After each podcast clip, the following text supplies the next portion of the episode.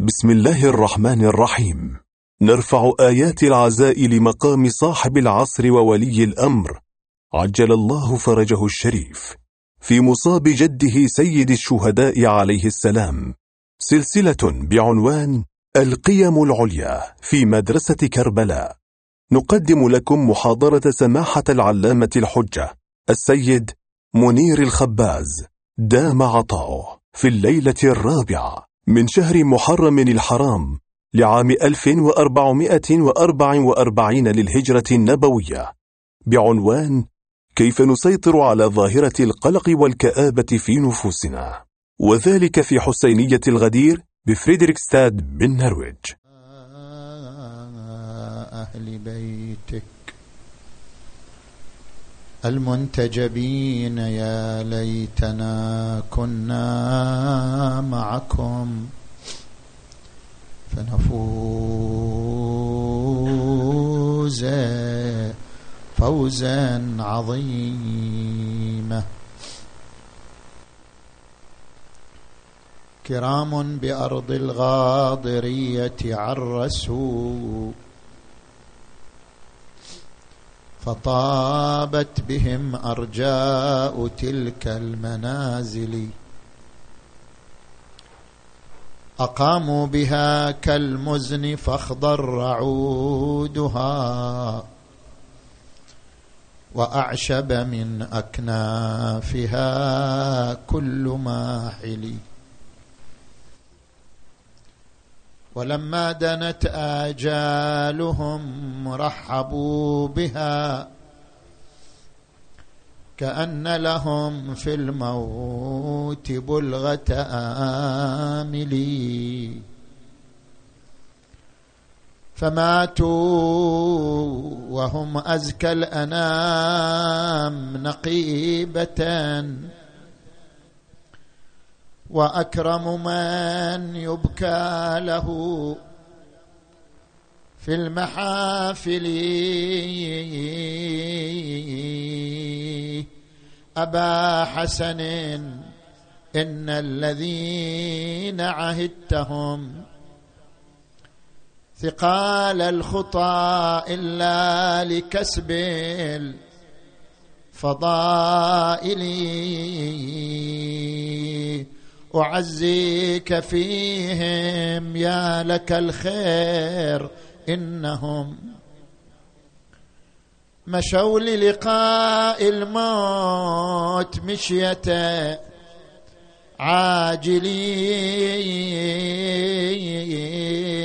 عاجلي أرادت بنو سفيان منهم مذلة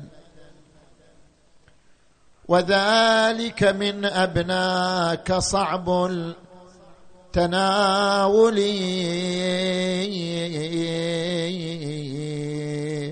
متى سرت فيهم وذلك من أبناك صعب التناول. قضوا حق عليهم دون الخيام ولا خلوا خوات حسين تنضم. لما طاحوا تفايض منهم الهام تهاووا مثل ما هو النجم من خر. هو وما بين من قطعة وريدة وقع راسه وبين الطارة تيدة. وبين مطبر برمية شديدة وبين الصار للنشاب مكور.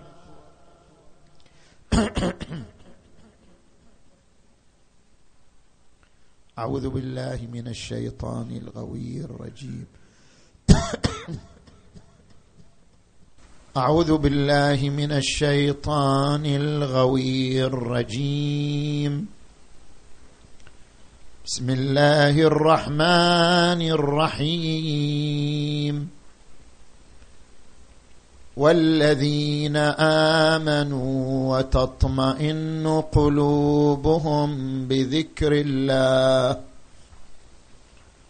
ألا بذكر الله تطمئن القلوب. آمنا بالله صدق الله العلي العظيم.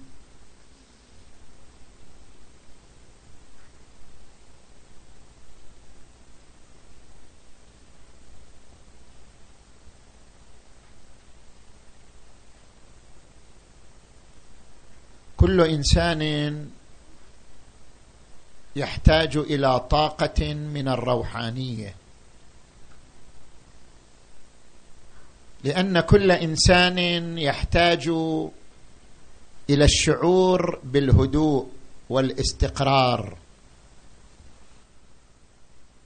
والطاقة الروحانية هي التي تغذي الإنسان بالشعور والهدوء والاطمئنان. ماذا تعني الروحانية؟ الروحانية هي الشعور بلذة البعد عن الذات وهمومها ومشاكلها. كلما ابتعد الإنسان عن ذاته ومشاكلها وهمومها شعر بلذة التحرر من الذات شعر بلذة البعد من الذات وهذا الشعور هو المعبر عنه بالروحانية.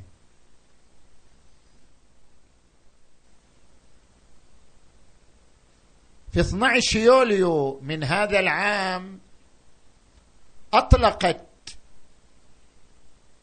وكالة ناسا عن تلسكوب جيمس ويب الفضائي الذي استغرق بناؤه ثلاثين سنة.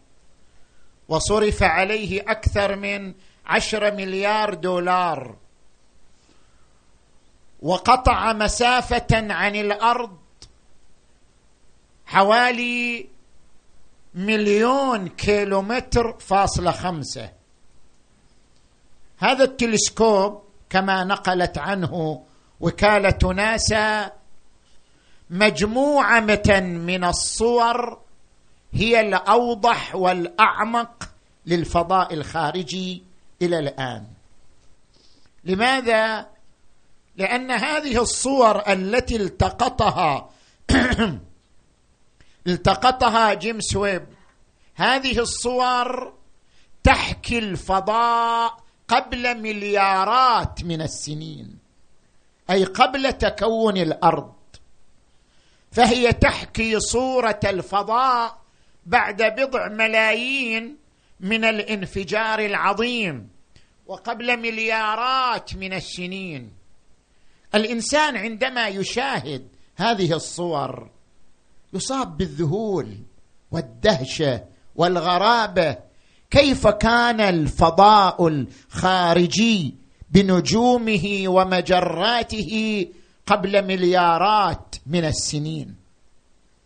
هذا الشعور بالذهول والدهشة هو عبارة عن الشعور بالروحانية. لأن هذا الشعور يبعد الإنسان عن ذاته يبعد الإنسان عن مشاكله وهمومها وغمومها ويحلق بالإنسان إلى عالم آخر إلى عالم أسمى. سنريهم آياتنا في الآفاق. وفي أنفسهم حتى يتبين لهم أنه الحق. أولم يكف بربك أنه على كل شيء شهيد؟ وقال تبارك وتعالى وفي الأرض آيات للموقنين. وفي أنفسكم أفلا تبصرون؟ اذا الروحانية لذة الشعور بالبعد عن المادة والبعد عن الذات.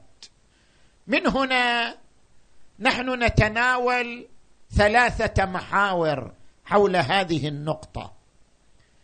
هل الروحانية تتوقف على الدين؟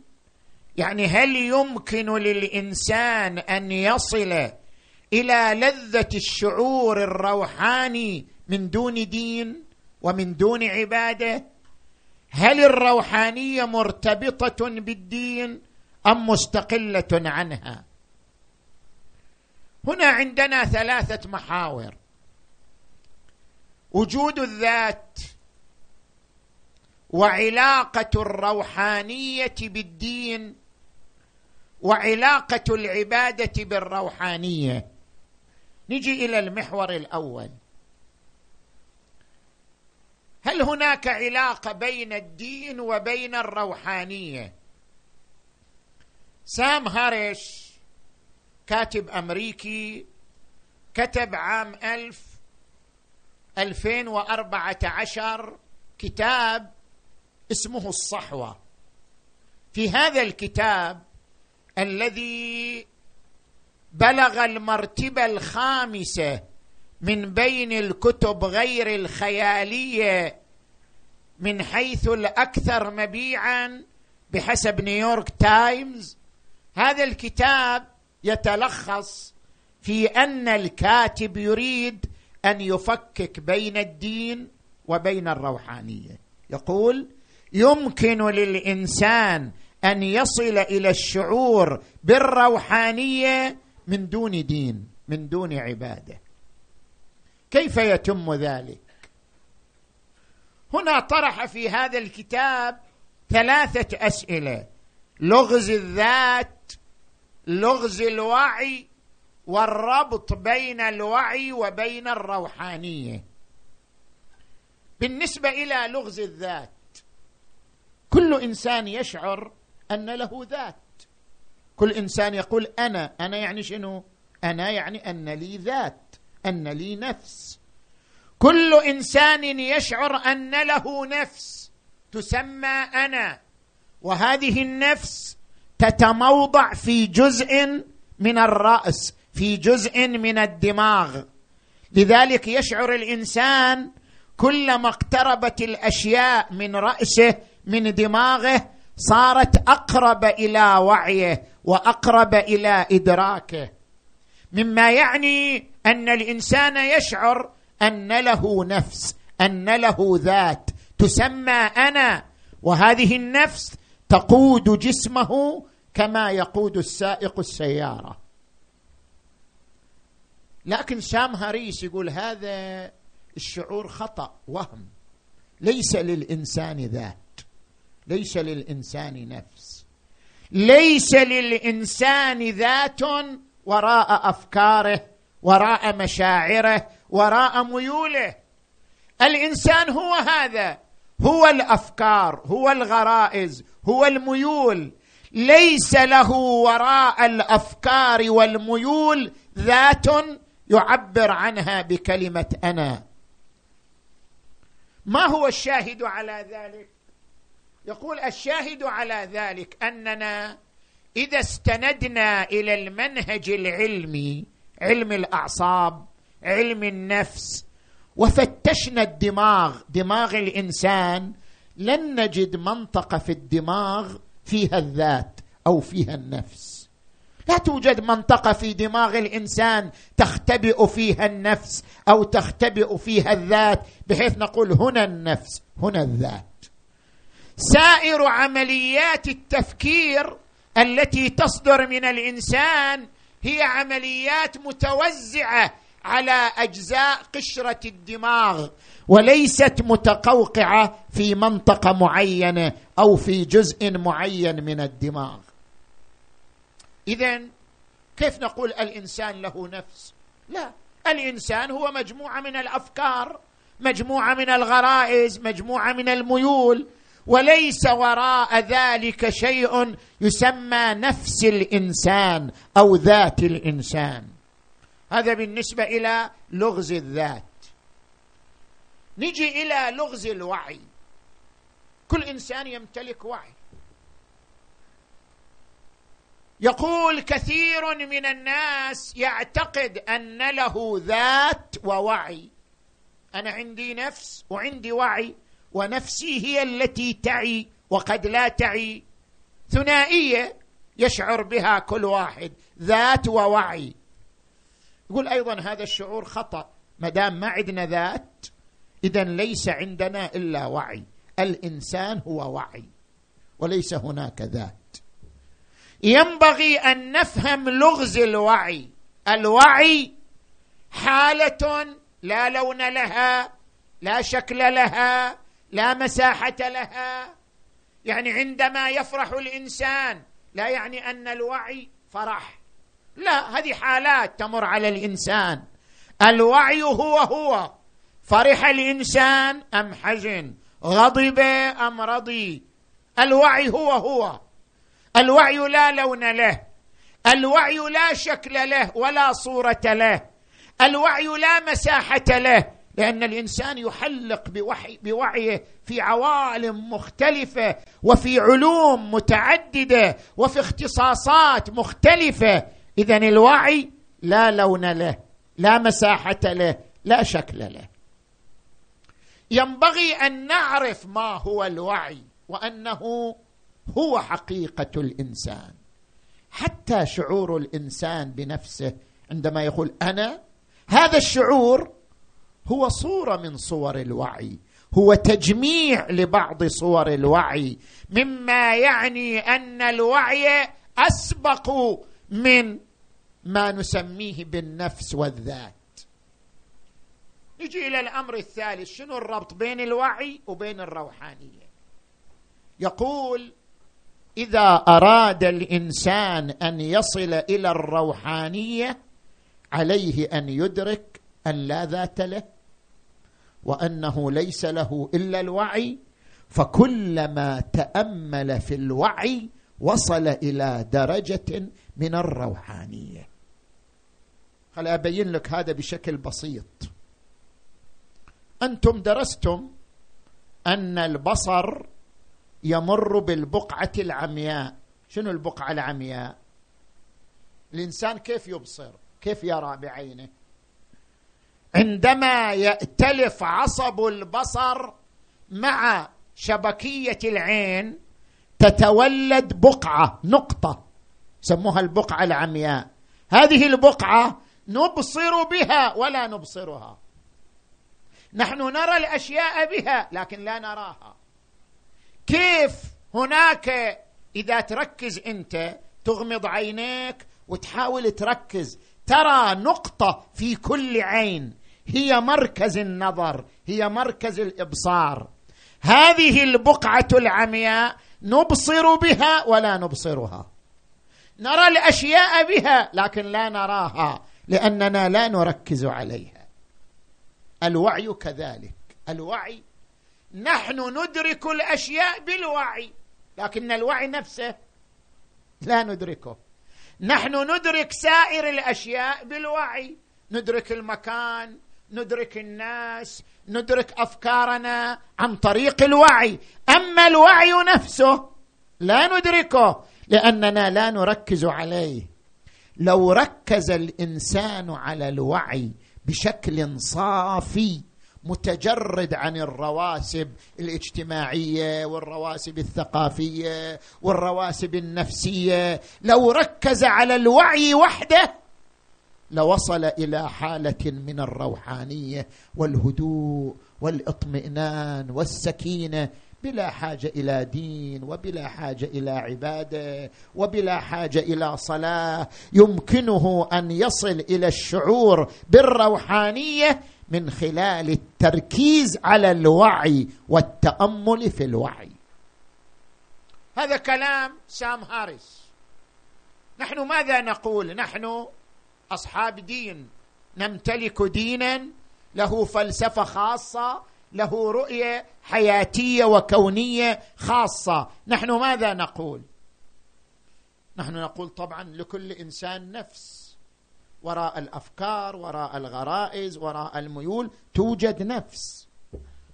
والوعي ما هو إلا صفة من صفات النفس وحالة من حالات النفس. هل أشرح لك هذه النقطة نقطة دقيقة التفت إلي جيدا. اولا علماؤنا يقولون وهذا مستقى من القرآن الكريم أن هناك عالمين عالم خلق وعالم أمر. القرآن الكريم ماذا يقول؟ ألا له الخلق والأمر في خلق وفي أمر. ما هو الفرق بين الخلق والأمر؟ الخلق هو المادة والمدة والأمر هو المتحرر من المادة والمدة. كل موجود نضع إصبعنا عليه إذا عنده مادة وله زمن فهو من عالم الخلق. وكل موجود ليس له مادة ولا يخضع للزمن فهو من عالم الأمر. شوف القرآن الكريم. عندما يتحدث القرآن الكريم عن جسم الإنسان شو يقول؟ يقول خلق. لقد خلقنا الإنسان من سلالة من طين ثم جعلناه نطفة في قرار مكين. ثم خلقنا النطفة علقة فخلقنا العلقة مضغة فخلقنا المضغة عظاما فكسونا العظام لحما. خلقنا خلقنا. ليش؟ لأن الجسم من عالم الخلق لأن الجسم له مدة وله مادة. إلى زمن معين وإلى مادة. أما تجي إلى الروح ماذا يعبر عنها القرآن الكريم؟ ما يعبر عنها بالخلق. يقول يسألونك عن الروح قل الروح من أمر ربي ما قال من خلق ربي. إذا خلق ربي غير أمر ربي. الروح من عالم الأمر. لماذا؟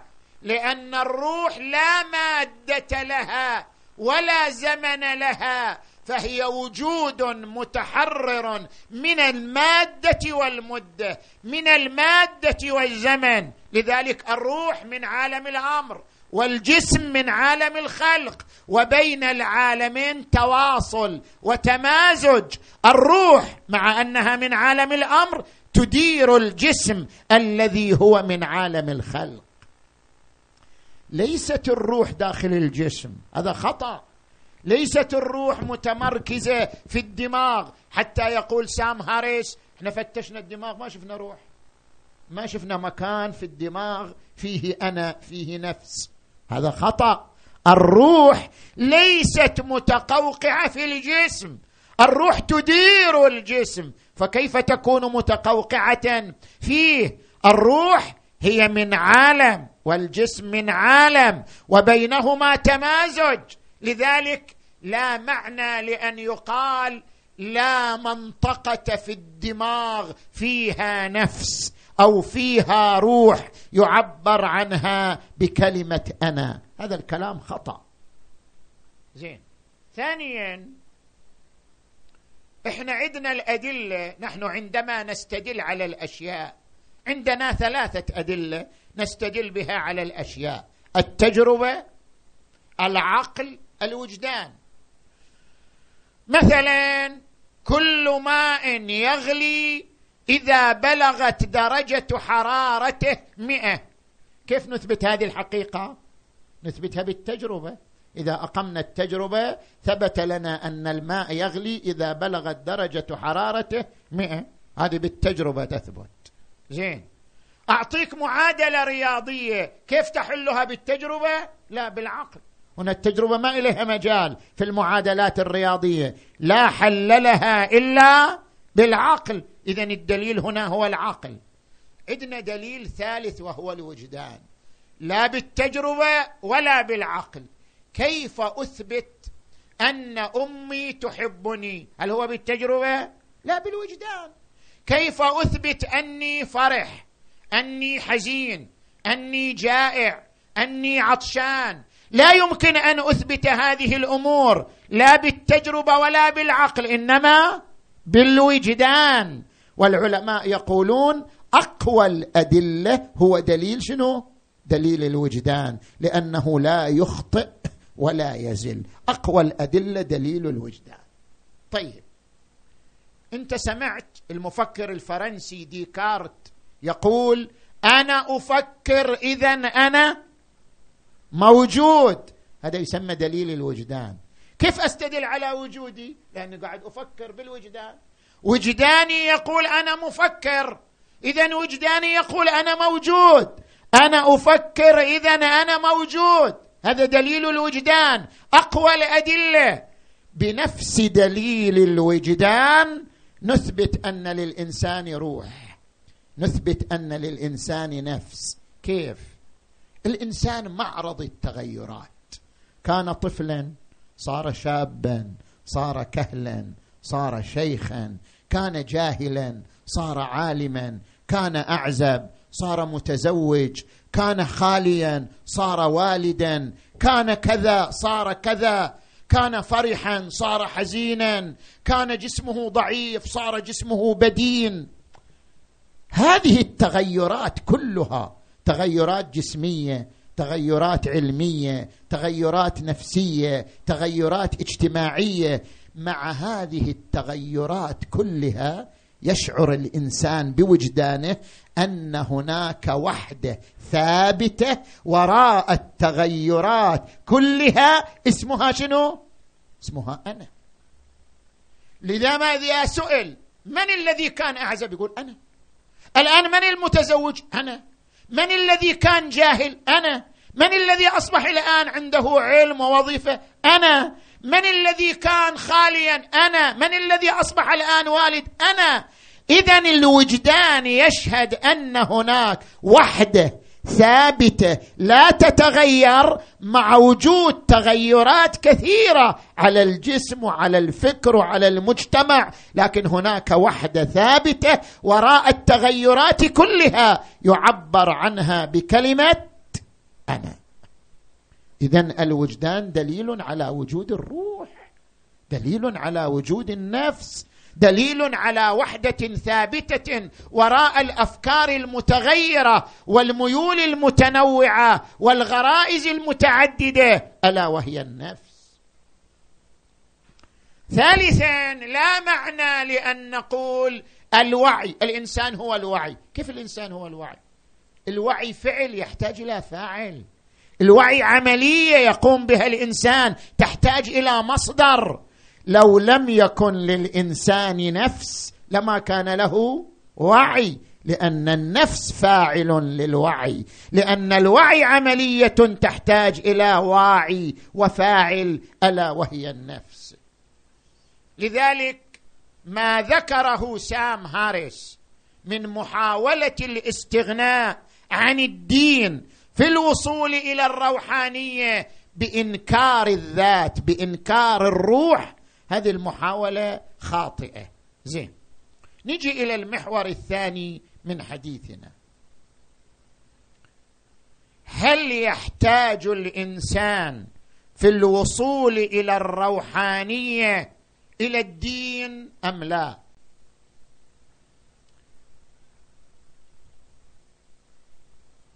الروحانية كما ذكرنا هي شعور. شعور باللذة. لذة التحرر من الذات ولذة التحرر من الدنيا وهمومها وغمومها. هذا يسمى بالروحانية. الروحانية تحصل من عدة أسباب. الاسترخاء يجي إنسان يسترخي في جو هادئ أمام النهر أمام البحر أمام الشلال يستغرق مسترخيا. يحصل على شعور بلذة روحانية. أن يأخذ الإنسان تنفس بطيء وعميق. أخذ التنفس البطيء العميق أيضا يوصل الإنسان إلى شعور بالروحانية. رياضة اليوغا سامعين عن رياضة اليوغا؟ رياضة اليوغا أيضا توصل الإنسان إلى درجة من الشعور بالروحانية. لكن هذه الروحانية ما تكفي. ما يحتاج إليه الإنسان روحانية عن طريق الدين. ما يحتاج إليه الإنسان روحانية عن طريق الارتباط بالله تبارك وتعالى. أما الروحانية التي يستقيها من اليوغا من الاسترخاء من التنفس. هذه روحانية مجازية روحانية مؤقتة روحانية زائلة. الروحانية الحقيقية الثابتة المستقرة. لا يمكن أن يحصل عليها الإنسان إلا بواسطة الدين إلا بواسطة الارتباط بالله تبارك وتعالى. لماذا؟ أنا أذكر لك طريق علمي. ويليام جلاسر عالم نفس أمريكي يقول يولد الإنسان وتولد معه عدة حاجات. منها حاجات جسمية حاجة الإنسان إلى البقاء بالأكل والشرب والهواء ومنها حاجات نفسية. حاجة الإنسان إلى الترويح عن نفسه بين فترة وأخرى. حاجة الإنسان إلى الشعور بالحرية وإلا يختنق. حاجة الإنسان إلى الشعور بالانتماء أن ينتمي إلى أسرة أن ينتمي إلى قبيلة. هذه حاجة أساسية عند الإنسان. إذا محروم من هذا الشعور يبقى يعيش كآبة وحزنا عميقا. شعور بالانتماء إلى الأسرة شعور بالانتماء إلى القبيلة حاجة أساسية تولد مع ولادة الإنسان. حاجة الإنسان إلى الشعور بالأمان. لو لم يشعر بالأمن في بلده أو بالأمن في بيته أو بالأمن في مجتمعه فإنه يعيش اضطرابا وقلقا قد يؤدي إلى عملية انتحار في حياته. حاجة الإنسان إلى الشعور إلى الشعور بالإطمئنان والاستقرار نتيجة الشعور بالقوة والسيطرة على نفسه. عدة حاجات هي أساسية. من أين نأتي بهذه الحاجات؟ يعني ما هو الغذاء الذي يشبع كل هذه الحاجات. هذا السؤال العلمي. أنا محتاج حاجة أساسية إلى الشعور بالأمن.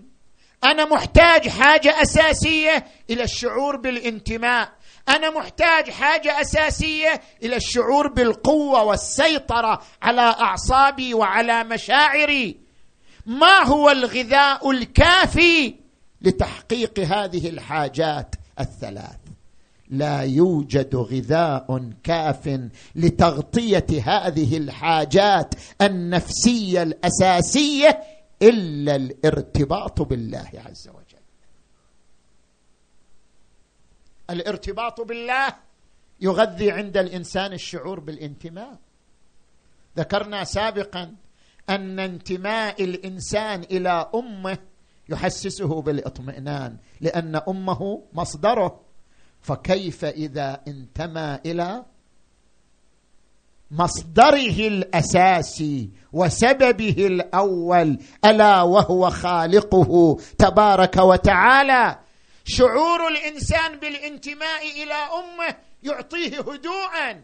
فكيف بانتمائه إلى مصدره الأول وهو خالقه؟ من هنا الإمام أمير المؤمنين علي عليه السلام يقول لابنه الحسن بني وألجئ أمرك وألجئ ظهرك في الأمور كلها إلى خالقك فإنك تلجئها إلى كهف حريز ومانع عزيز ومن يتوكل على الله فهو حسبه.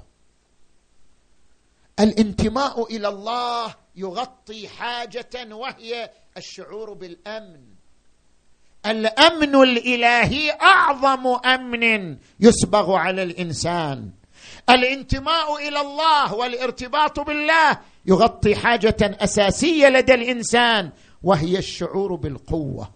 أنني مسيطر على مشاعري وعواطفي وأعصابي لأنني مرتبط بالله تبارك وتعالى.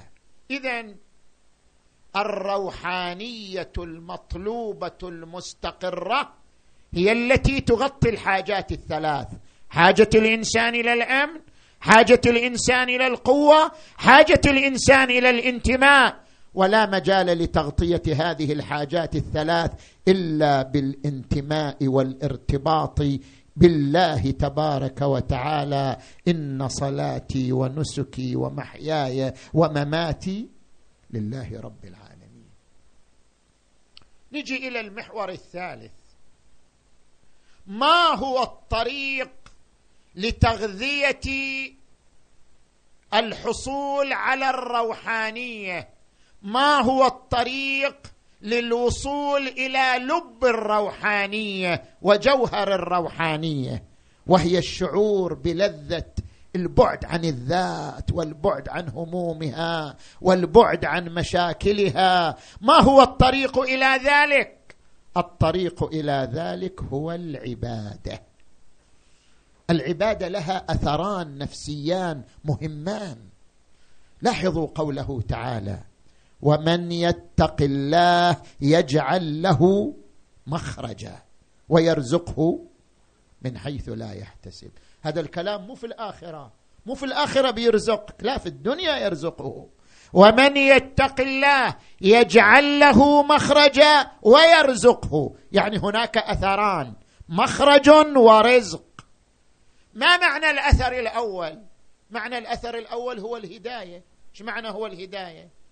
الإنسان أحيانا يظل متأرجح بين عدة طرق. مثلا الشاب يتخرج من الإعدادية ما يدري يدخل أي تخصص. يدخل تخصص علم نفس علم اجتماع هندسة كهربائية رياضيات متأرجح بين عدة طرق. التأرجح يزول بالارتباط بالله. الارتباط بالله له أثر عجيب وهو إزالة التأرجح. إزالة التذبذب من النفس والذين جاهدوا فينا لنهدينهم. سبلنا. أنت ركعة تصليها إلى ربك تهتدي إلى الطريق الذي تريد. إنسان متحير بين وظائف أمام عدة وظائف. لا يدري أي الوظائف أفضل وأنجح له. يصلي ركعتين يهتدي إلى الوظيفة المناسبة. الارتباط بالله يهدي إلى الصواب يرفع التذبذب يزيل التأرجح من داخل النفس وهذا هو معنى قوله تعالى يجعل له مخرجا. وهو معنى قوله تعالى والذين جاهدوا فينا لنهدينهم سبلنا. الأثر الثاني ويرزقه من حيث لا يحتسب. شنو هذا الرزق؟ يعني الإنسان التقي يصير مليونير؟ لا. قد يكون يعيش تحت خط الفقر. اذا ما معنى يرزقه من حيث لا يحتسب؟ لا يوجد سعادة أعظم من السعادة النفسية. ليست السعادة بالأموال ولا بالسيارة الفارهة ولا بالفلة الفخمة ولا بالأموال ولا بالقصور. السعادة الحقيقية باطمئنان النفس. السعادة الحقيقية بأن تشعر دائما بالهدوء والسكينة والاستقرار. وهذه السعادة الحقيقية وهي الشعور بالاستقرار لا تحصل عليها إلا بالارتباط بالله تبارك وتعالى. والذين آمنوا وتطمئن قلوبهم بذكر الله. ألا بذكر الله؟ تطمئن القلوب. اذا هذا هو معنى الرزق. الرزق ليس هو رزق مادي. هو رزق الاستقرار رزق الهدوء. قال تبارك وتعالى من عمل صالحا من ذكر أو أنثى وهو مؤمن فلنحيينه حياة طيبة. إيش معنى حياة طيبة؟ يعني حياة أموال وسيارة وكذا. لا! حياة طيبة يعني يشعر بالهدوء والاستقرار وأنه لا يبالي بمصائب الدنيا ومتاعبها. ألا إن أولياء الله لا خوف عليهم ولا هم يحزنون. اذا العبادة هي الطريق للروحانية. لأن العبادة تعطيك أثرين. اثرا يزيل التذبذب وهو الهداية واثرا يزيل القلق والخوف وهو الاستقرار والاطمئنان فهي الطريق للوصول إلى الروحانية. وأهم مصاديق العبادة الصلاة. كثير من أبنائنا يتهاون بالصلاة أو يؤخر الصلاة أو لا يبالي لا يبالي بوضع الصلاة. الصلاة هي الطريق للاستقرار. كل إنسان منا يحتاج إلى الاستقرار لا تستطيع أن تدرس بدون استقرار. لا تستطيع أن تبدع وتنتج بدون استقرار. الشعور بالاستقرار دخيل في الإنتاج دخيل في الإبداع دخيل في العطاء. والطريق للوصول إلى الاستقرار والإطمئنان الصلاة. الوقوف بين يدي الله. تبارك لاحظوا الروايات الواردة في الصلاة.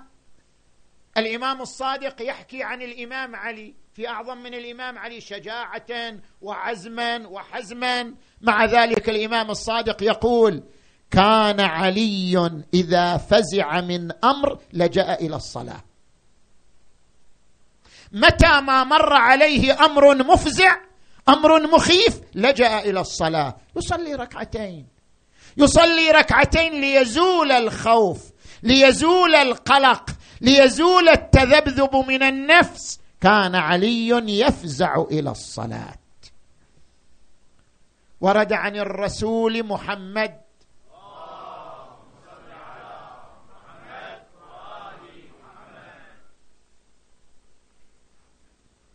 أحب من دنياكم ثلاث الطيب والنساء.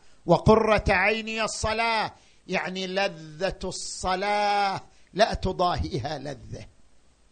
لذة الصلاة. لذة المناجاة لله. لذة الوقوف بين يدي الله. هي لذة التحرر من الغرائز.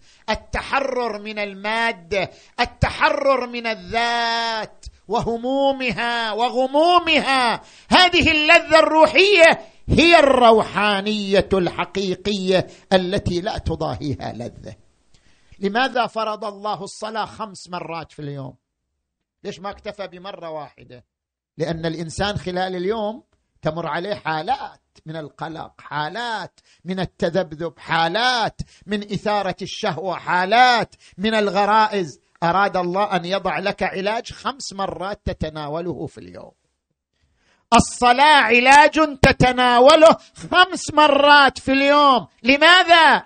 لوقايتك من حالة التذبذب والقلق والكآبة والتأرجح. علاج تتناوله خمس مرات في اليوم. يجعلك إنسانا ثابتا مطمئنا واثقا من قوتك وذاتك. هذه هي حقيقة الصلاة. ولذلك ورد في الحديث الشريف ما تقرب العبد إلي بشيء أحب إلي مما افترضته عليه وهو الصلاة.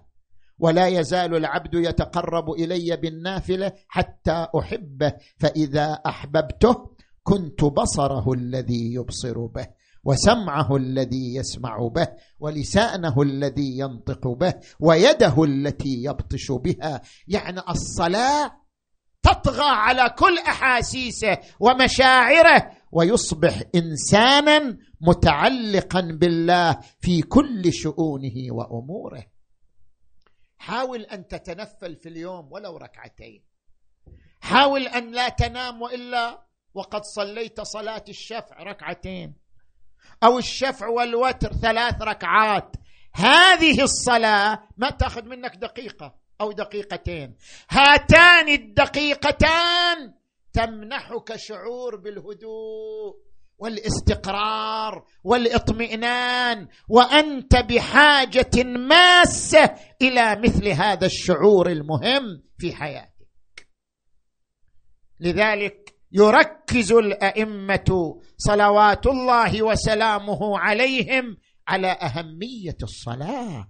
وعلى أهمية النافلة كما ذكر القرآن الكريم قد أفلح المؤمنون الذين هم في صلاتهم خاشعون.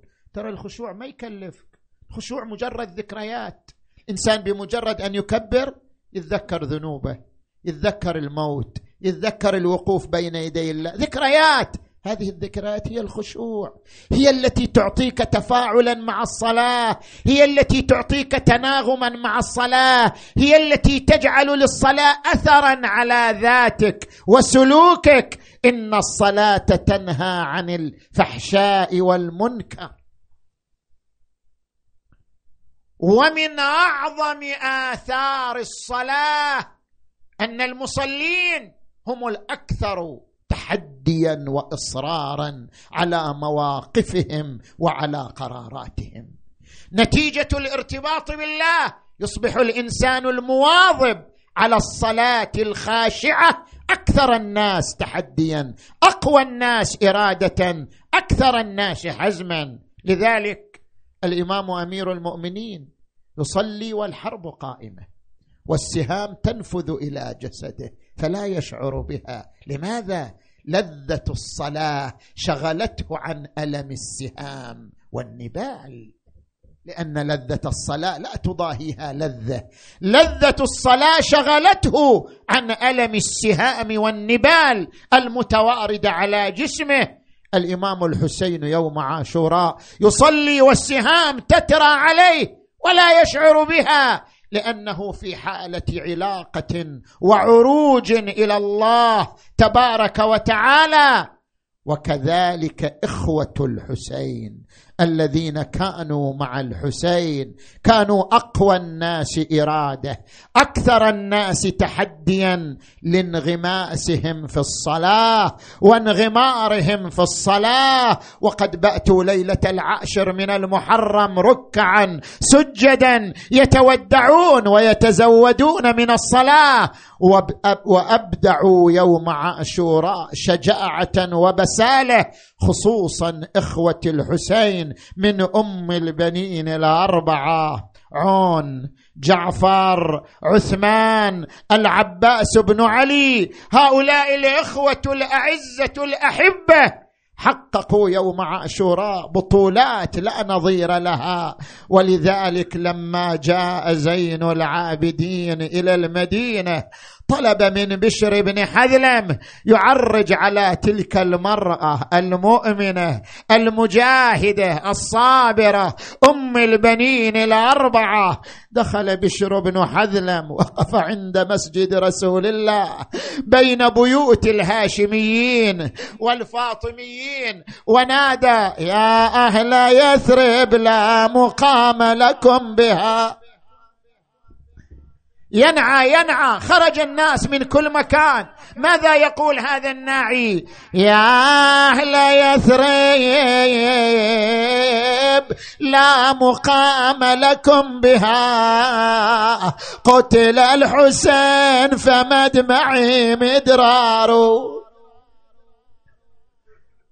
الجسم منه بكربلاء مضرجان والرأس منه على القناة يدار. خرجنا النساء من البيوت ما بقيت فاطمية ولا هاشمية إلا وصرخت تنادي وحسينا. يقول بشر بن حذلم رأيت امرأة معصبة الرأس تتوكأ على عصات وقفت قريبا مني. قالت أيها الناعي قف قليلا قف قليلا أريد أن أسألك عن خبر مهم. قلت من أنت؟ أنا أريد أن أسألك. قالت أنا أم البنين الأربعة. أنا عندي أولاد أربعة في كربلاء. عندي أفلاذ كبدي غائبون عني ها. التفت إليها قال لها الخبر عندي ها. يا أم البنين عظم الله لك الأجر في عون. قالت الخلف والبقاء في راس الحسين. قال يا أم البنين عظم الله لك الأجر في عثمان. قالت الخلف والبقاء في رأس الحسين. قال يا أم البنين عظم الله لك الأجر في جعفر. قالت الخلف والبقاء في رأس الحسين. بعد عندي خبر عظيم. يا أم البنين عظم الله لك الأجر في أبي الفضل العباس. فلقد قطعوا كفيه وفضخوا ظهره بالعمود قالت ما سألتك عن أولادي سألتك عن حبيبي الحسين.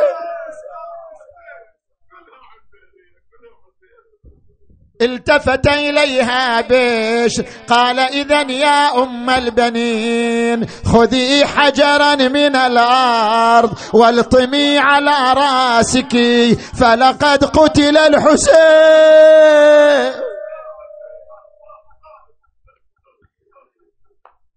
الله يساعدها. الله يساعدها على تلك المصيبة. وإذا بها تعثر على الأرض وتضرب برأسها وتنادي وولدا وحسين. ماذا أقول لامه الزهراء بماذا أعتذر لفاطمة الزهراء وقد قتل الحسين؟ إيه تجي إلى البقيع. ومروان يسمع ندبتها ويبكي لحالها. تبني قبورا أربعة.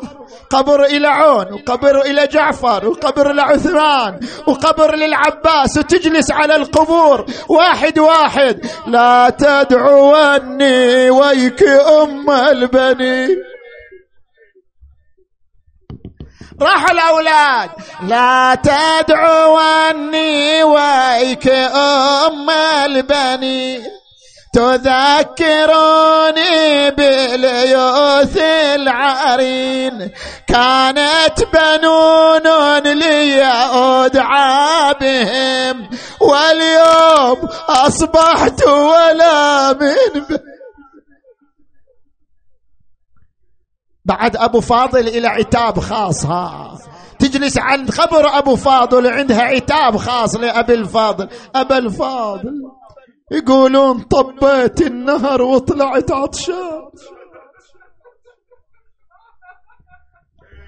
يقولون طبيت النهر وطلعت عطشان. ضامي وقلبك من لهيب العطش نيران. ما صار مثلك يا ضيع عيني بالأخوان.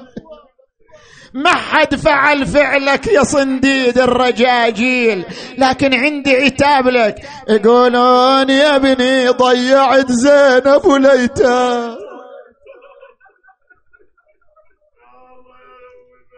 يقولون يا ابني ضيعت زينب والايتام حرمة وغريبة وضايعة ما بين ظلام.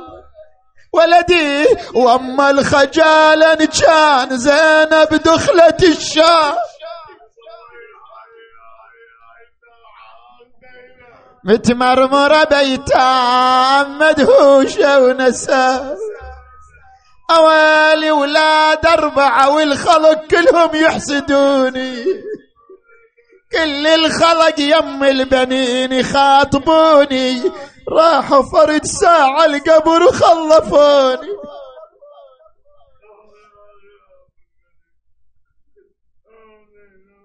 اللهم بحق أم البنين الأربعة. وسيلة عظيمة إلى الله أم البنين الأربعة. وأولادها الشهداء. اللهم بحق أم البنين وأبنائها الشهداء الكرام. اللهم اشف مرضانا ومرضى المؤمنين والمؤمنات. واقض حوائجنا وحوائجهم. اللهم فرج عن جميع المؤمنين. اللهم احفظ أوطاننا واجعلها آمنة. يا أرحم الراحمين. اللهم اغفر ذنوبنا واستر عيوبنا. وكفر عنا سيئاتنا وتوفنا مع الأبرار. اللهم وفقنا والمؤسسين والمؤمنين والمؤمنات لما تحب وترضى. اللهم صل على محمد وآل محمد. اللهم كن لوليك الحجة بن الحسن.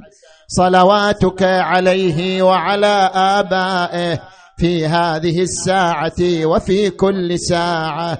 وليا وحافظا وقائدا وناصرا ودليلا وعينا حتى تسكنه أرضك طوعا وتمتعه فيها طويلا برحمتك يا أرحم الراحمين وإلى أرواح أمواتكم وأموات المؤمنين والمؤمنات الفاتحة تسبقها الصلوات